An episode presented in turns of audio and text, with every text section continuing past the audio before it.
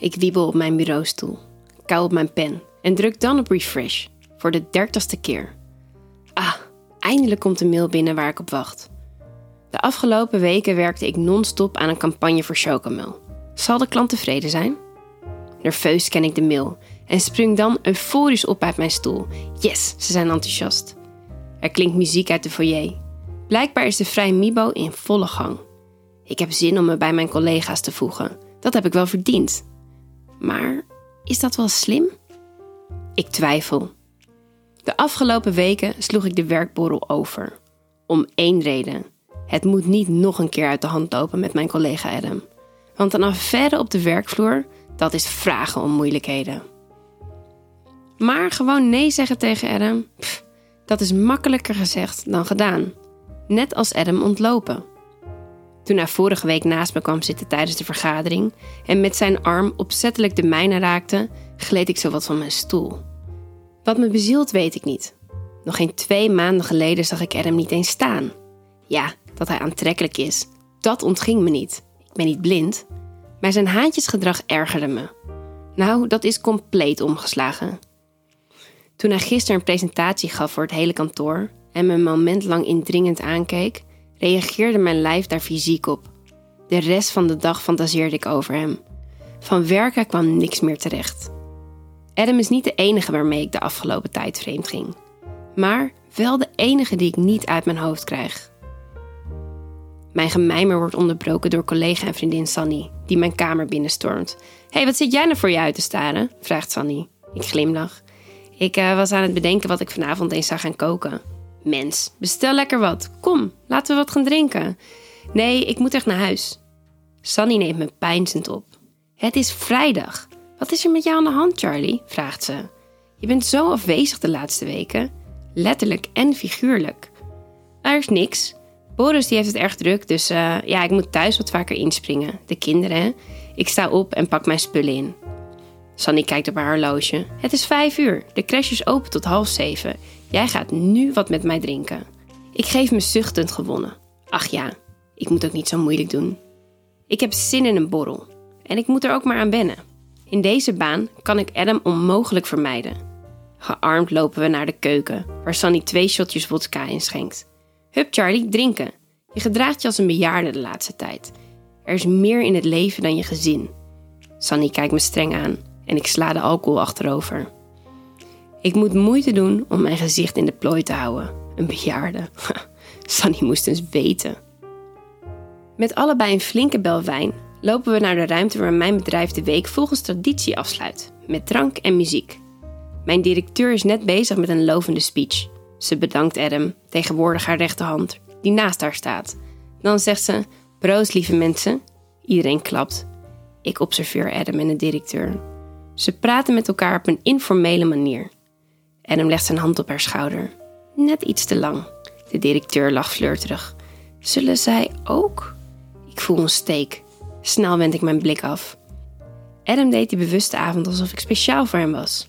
Zou dat allemaal een versiertactiek zijn geweest? En zo ja, wat zou dat? Doe eens normaal, je bent getrouwd. Jezus, wat is dit ingewikkeld. Ik wil dit helemaal niet voelen. Uit frustratie sla ik mijn glas wijn achterover.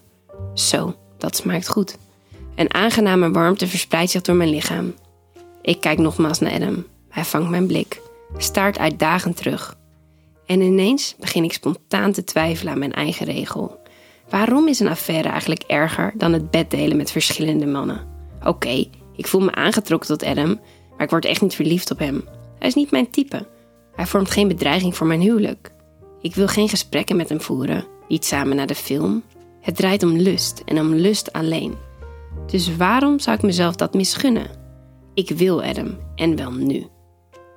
Ik loop met stevige passen naar mijn werkkamer waar mijn telefoon ligt.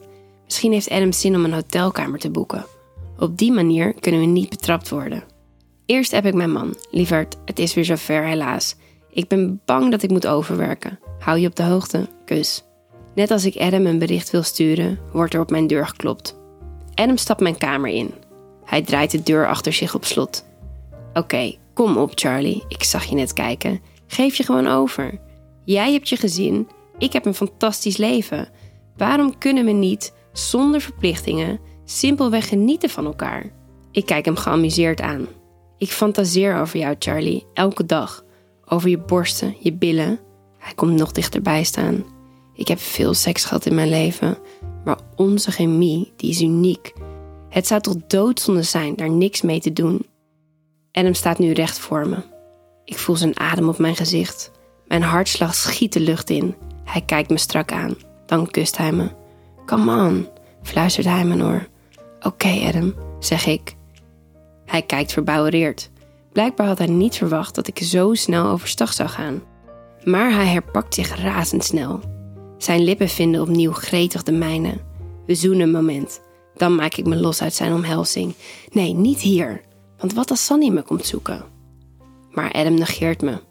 Met een paar snelle bewegingen doet hij zijn stropdas af, zijn blouse uit en ontbloot zijn heerlijke bovenlichaam. Hij neemt me opnieuw in zijn armen. Maak je niet druk, Charlie. Adam zoent me zachtjes in mijn nek. Ik hou mijn adem in. Onze collega's gaan los. Niemand zal ons missen en de deur zit op slot. Shit, hoe moet ik hier weerstand tegen bieden? Adam trekt mijn jurkje uit, waaronder ik alleen een slipje draag. Hij duwt wat spullen opzij en tilt me op mijn bureau. Met zijn vinger strijkt hij over mijn wang. Hij volgt de lijn van mijn lippen en ik neem zijn vinger in mijn mond, zuig eraan, terwijl ik Adam aan blijf kijken. Oh. Hij kreunt zachtjes. Zie je wat je met me doet? Hij knikt naar zijn erectie, die duidelijk zichtbaar is in zijn strakke pantalon. Hij zakt door zijn knieën en doet mijn string uit. Zijn hoofd verdwijnt tussen mijn benen en mijn clitoris klopt zacht onder zijn lippen. Adam beft me zoals geen enkele andere man dat ooit eerder deed. Hij voelt me perfect aan, wisselt langzaam en snel af. Ik span mijn billen aan, kantel mijn bekken en beweeg zachtjes mee op zijn ritme. Dan laat hij twee vingers bij me naar binnen glijden. Als Adam begint te stoten, hap ik naar adem. Ga door, kreun ik. Maar Adam trekt zich juist terug. Hij kijkt me plagend aan.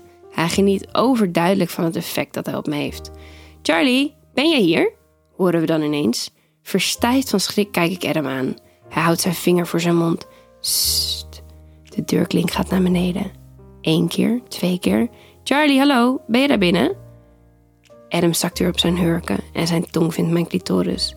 Ik probeer hem weg te duwen, maar hij grijpt mijn billen stevig vast. Bang dat onze worsteling lawaai zal maken, laat ik hem begaan. Mijn ademhaling wordt zwaarder. Ik kan er niks aan doen. Fuck, straks hoort Sunny ons nog. Waarom gaat ze niet weg? hey, uh, Ruben, weet je waar Charlie is? Hoor ik haar vragen. Geen idee, zegt grafisch designer Ruben. Wat vreemd, ze was hier net nog. En haar jas hangt nog aan de kapstok. En hem gaat rechtop staan. Zijn mond vindt de mijne, terwijl hij de klus afmaakt met zijn vingers. Zijn kus smoort mijn zachte gekreun. Geen enkel geluid maken, beveelt hij fluisterend in mijn oor. Anders uh, bel je haar even, oppert Ruben. We horen zware voetstappen. Ruben vertrekt zo te horen. Sunny blijft staan. Ik voel de bekende sensatie opkomen in mijn onderbuik, terwijl ik mijn telefoon zachtjes hoor trillen in mijn handtas. En merkt aan hoe mijn lichaam schokt dat ik op het punt sta een hoogtepunt te bereiken. Hij vouwt zijn linkerhand over mijn mond, blijft me vingeren met zijn rechterhand. Mijn gedachten verstommen en niet veel later volgt de explosie. Het is maar goed dat Adam mijn kreten smoort, want anders had Sunny ons zeker betrapt. Pas als de orgasmeroes voorbij is, merk ik hoe stevig ik me aan Adam vastklamp. En op de een of andere manier voelt deze omhelzing meer als vreemdgaan dan alle seksuele handelingen die eraan vooraf gingen. Veel tijd om hierover na te denken geeft Adam me niet. Hij trekt me van het bureau af. Ze is weg, zegt hij zacht. Dan draait hij me om, haalt zijn erectie tevoorschijn en dringt achterlangs bij me binnen. Hij begint te stoten, steeds harder en harder. En als ik het uitschreeuw, snoert hij me hardhandig de mond. Stil, Charlie. Ik voel me draaierig worden door het gebrek aan lucht. Voel mijn hartslag nu door mijn hele lijf bonken. Draai je om, beveelt hij. Hij kijkt naar me, houdt zijn indrukwekkende erectie vast met zijn sterke vuist en trekt zich af met lange halen. Ik wil over je buik en borsten spuiten, zegt hij. Ga op je bureau zitten en vinger jezelf. Ik doe wat Adam zegt. Ik spreid mijn benen en ik draai rondjes met mijn vingers. Kan je alweer klaarkomen? hijgt Adam na een tijdje. Ik knik en verhoog mijn tempo. Nu, zegt Adam. Terwijl ik een hoogtepunt bereik, ejaculeert Adam over mijn borsten, over mijn blote buik.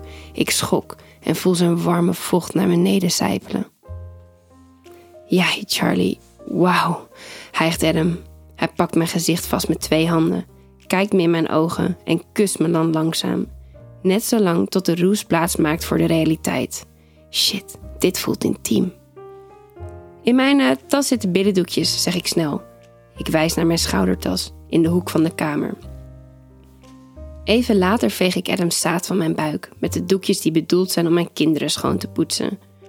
Moeder van het jaar hoor, denk ik hoofdschuddend. Dan denk ik aan Sunny. Fuck, ik moet mijn vriendin spreken. Wat kan ik zeggen? Dat ik uh, in slaap ben gevallen in mijn kamer? Nee, dat ik last van mijn buik had en op de wc zat. Voor ik de kamer uitstorm, grijpt Adam mijn pols hardhandig vast. Hij trekt me naar zich toe. Mijn gezicht is dicht bij dat van hem. Dit smaakt naar meer, Charlie. Jij smaakt naar meer.